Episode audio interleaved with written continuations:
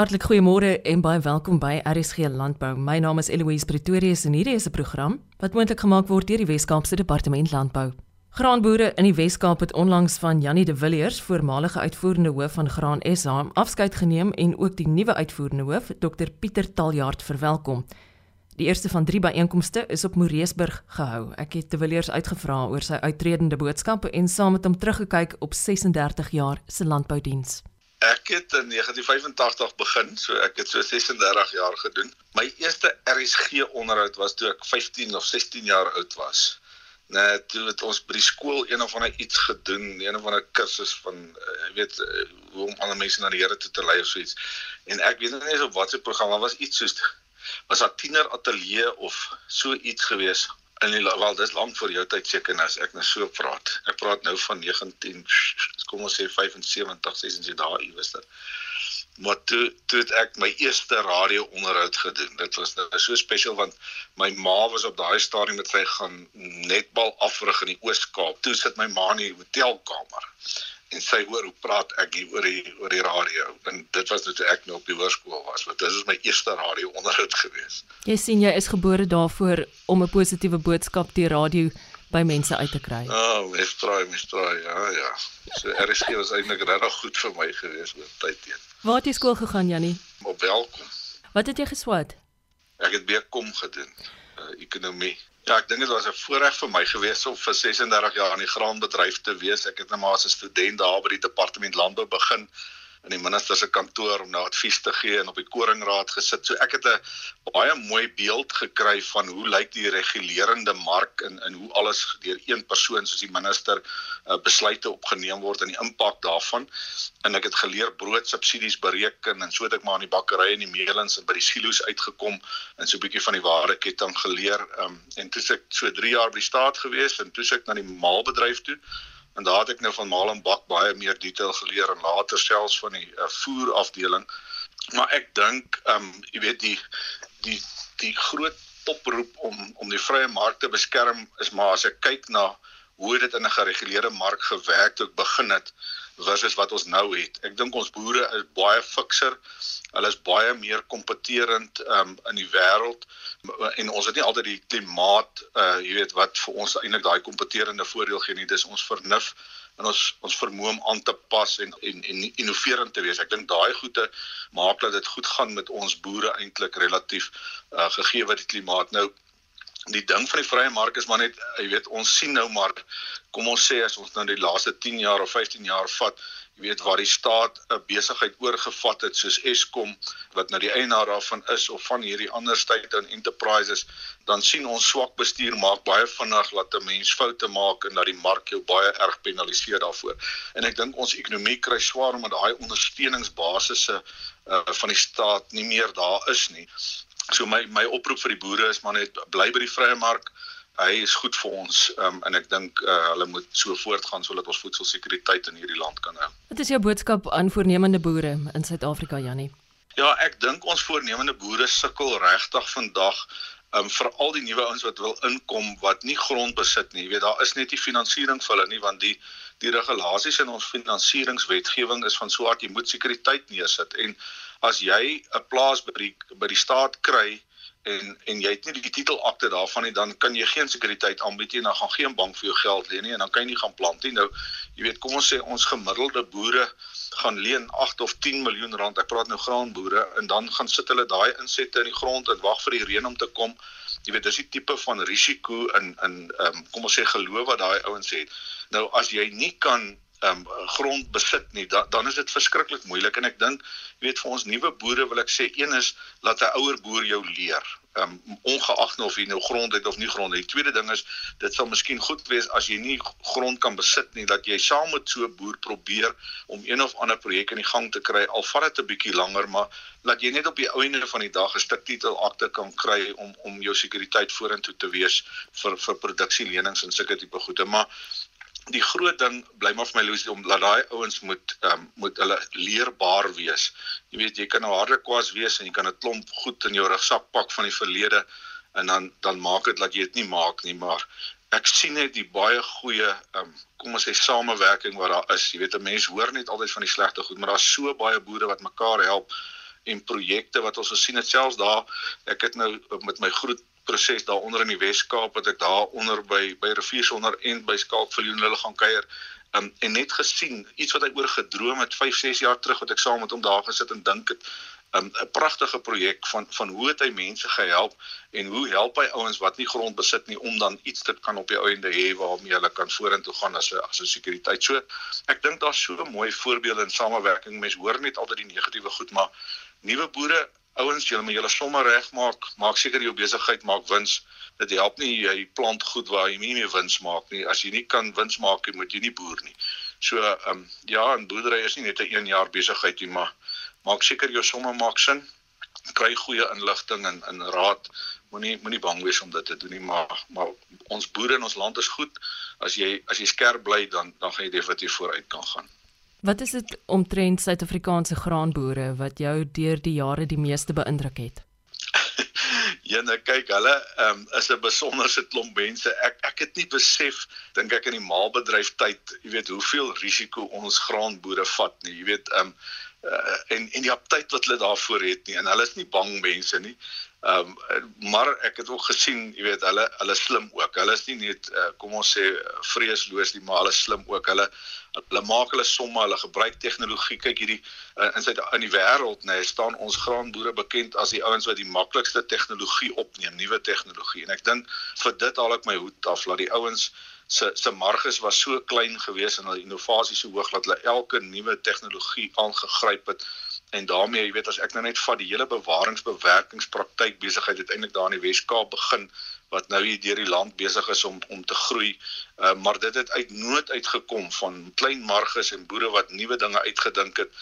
Kom ek sê ek ek haal my hoed af vir hierdie ouens wat in hierdie moeilike omstandighede met baie min staatsondersteuning um, kan kan volhoubaar boer en hulle is elke jaar daar. Ja, ons het moeilikheid met droogtes en sulke goede en en maar ek dink op die einde van die dag haal ek my hoed af dat hulle al hierdie goed kan saamvoeg en dat ons land kan voedselsekuur wees ek dink amper in die as jy na die wêreld se indekse kyk is Suid-Afrika in Afrika kontinent die enigste land wat voedsel sekerheid het. En dis as gevolg van hierdie boere wat hierdie goed kan doen en wat hierdie aptyd vir risiko het en dit kan bestuur al is dit moeilik. Wat hou die toekoms nou vir jou in Jannie? Ja, ek is nou in 'n periode van wag. Dis eintlik vir my baie vreemd om bietjie stil te sit en te wag. Dis heerlik om nie meer al die verantwoordelikheid te hê as iets gebeur dan voel ek nie ek moet nou alles begin doen om om dit reg te maak of so nie. Maar um, ek sal graag nog by ons uh, leierskapsontwikkelingsprogram wat ons begin het so 9 jaar terug by die jong mense om 'n bietjie oor leierskap op te lei en miskien bietjie van my ervaring te deel. Ek dink daar daar kan ek 'n bydrae maak. Ek gaan nog so 'n bietjie so jaar by Agri SA ook 'n bietjie help om 'n bietjie ervaring daar deel. En dan is daar so 'n paar goedjies wat in die vooruitsig is wat ek nou nog nie gefinaliseer het nie, maar ek sou graag daarom nog 'n bietjie van my kennis en ervaring in die landbousektor wil terugploeg. Ek dink net as ek kyk aan die mentors wat oor jare heen vir my gehelp het en nou nog help, Um, ek het nou vanoggend vir hulle kon kon sommer 'n dingetjie stuur oor iets wat ek gekry het om om vir hulle dankie te sê vir dit wat hulle in my lewe impak gemaak het.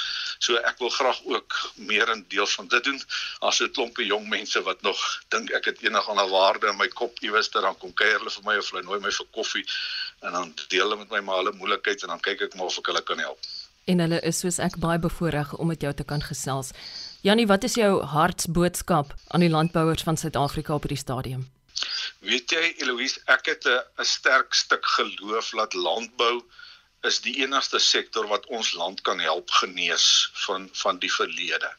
Ek dink ons het baie genesing nodig en dis ongelooflik dat die boere die hart het en dat die landbou die vermoë het om met verhoudings goed te kan kan oplos en moeilike goed te kan oplos, selfs sulke goed soos grondhervorming ek is nie bang om om te gaan sit by 'n tafel en hierdie goeie te kan uitpraat nie. Ek dink wanneer 'n mens mekaar se stories hoor, dan dan word die begrip beter en dan begin 'n mens makliker saam na die probleem kyk as wat ons na mekaar kyk om om om die probleem op te los.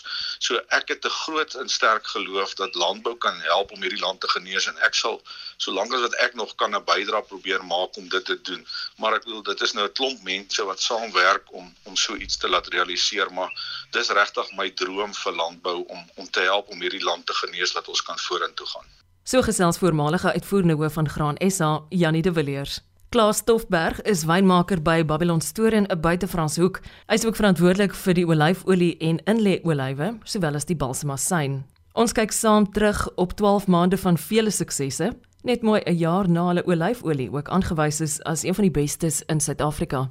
Ja, nee, jy's Eloise, ek moet vir jou sê ons het tamelike groot groei in olywe op die oomblik. Ons het ehm um, ons het hierdie pragtige prys gewen en ons het ehm um, ag die verkope natuurlik het het, het, het seker gestyg. Natuurlik met lockdown het ons nou so 'n bietjie inperkings gehad en die mense het nie so baie op die plaas gewees nie. En ehm um, natuurlik op die plaas se verkope het 'n bietjie afgeneem, maar ek moet sê tog die winkels daar buite het nog steeds goed deurgekom vir ons en dit was was regtig eh, 'n uh, besonderse jaar vir ons met die olyfolie. Ook hierdie jaar het ons 'n uh, bietjie minder kleiner roes gehad wat beteken ons verkoop nog 'n bietjie van verlede jaar se olie. Ehm uh, maar die die kwaliteit lyk self baie baie goed hierdie jaar.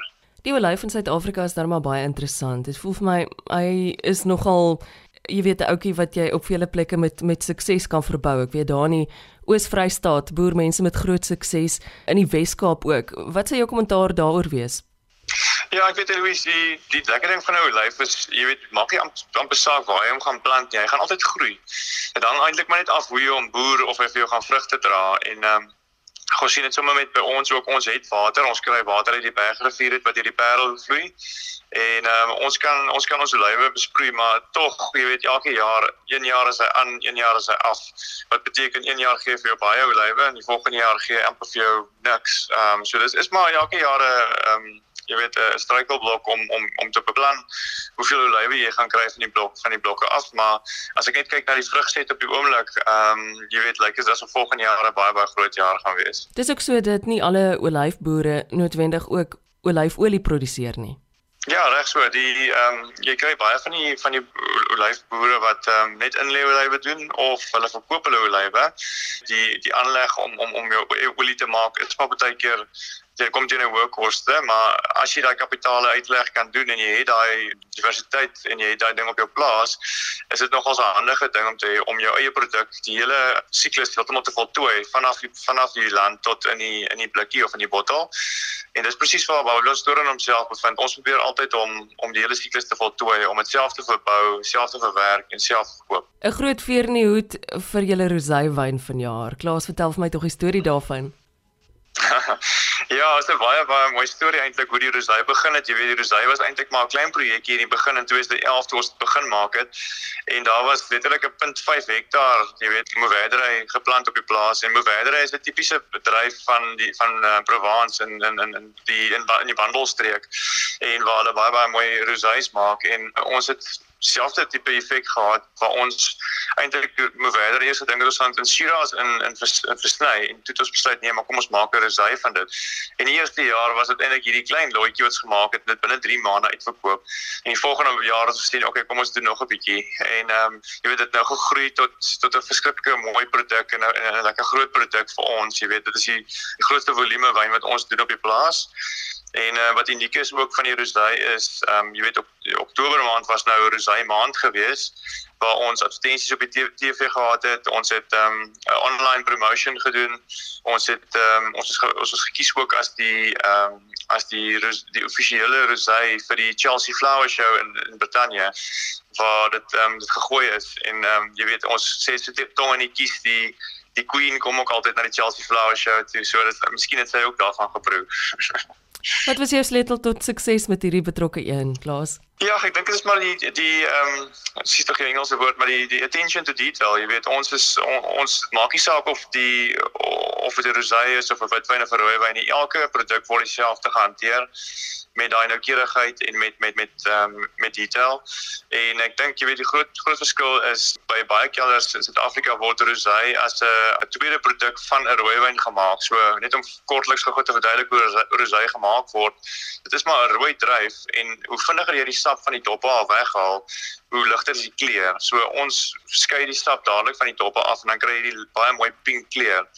En ehm um, ek dink baie van die ander kelders, jy weet, gebruik dit as dit as 'n tweede produk waar hulle daai sap aftrek om 'n baie voller rooiwyn te maak en dan die res wat oorbly maak hulle 'n rosé van. En op Babylon Store wat ons uniek doen is ons pluk daai druiwe teen die perfekte balling of perfekte suikerheid suikergraad waar hy presies gepluk moet word vir rosé. So is uit en uit, daar's geen tweede produk of 'n derde produk nie. Dis uit en uit gepluk net vir rosé en dis wat dit so uniek maak en ek dink wat daai kwaliteit aspek ook uh, bevestig. Plaas daar hoor ek ook dis regtig die moeite werd om die plaas te kom besoek vir vanjaar se Clivias. Ja, vir jaar was die beste jaar. Volgens ons tuinkundige ehm um, Liesel van der Walt was dit die beste jaar vir van Clivias nog. Hulle beoog hulle hulle skat daar's omtrent 12000 Clivias wat groei op Babylon Store langs die rivier in die tuin.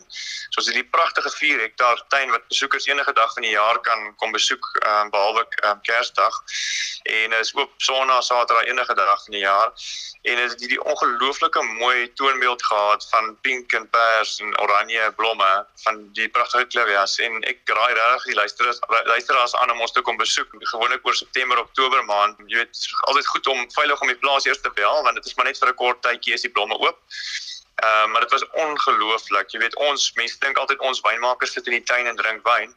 Maar ek het regtig my my tydjie afgevat in my in my middagete om definitief deur die tuin te gaan stap daai tyd van die jaar om net daai blomme te besigtig. Dit was regtig ongelooflik mooi hierdie jaar. Ja, net aan die luisteraars ook. Julle is welkom. Ons is elke dag oop. Ehm um, die proelokaal is oop, die tuin is oop. Daar is wonderlike toere om elke dag te doen. Ons het ook lekker werkswinkels op die plaas en is regtig 'n ongelooflike plek en eintlik nie net 'n wynplaas nie, maar 'n destinasie om te kom besoek en ons nooi julle met oop arms om te kom. Wynmaker by Babylon Store in Buitefranshoek, Klaas Stoffberg. Luister gerus weer na vanoggend se program, vind dit op www.elsenburg.com. Baie dankie dat jy ingeskakel het. Onthou om môre om 12:15 weer by my aan te sluit vir nog 'n aflewering van RSG Landbou. Ek is Eloise Pretorius. Totsiens.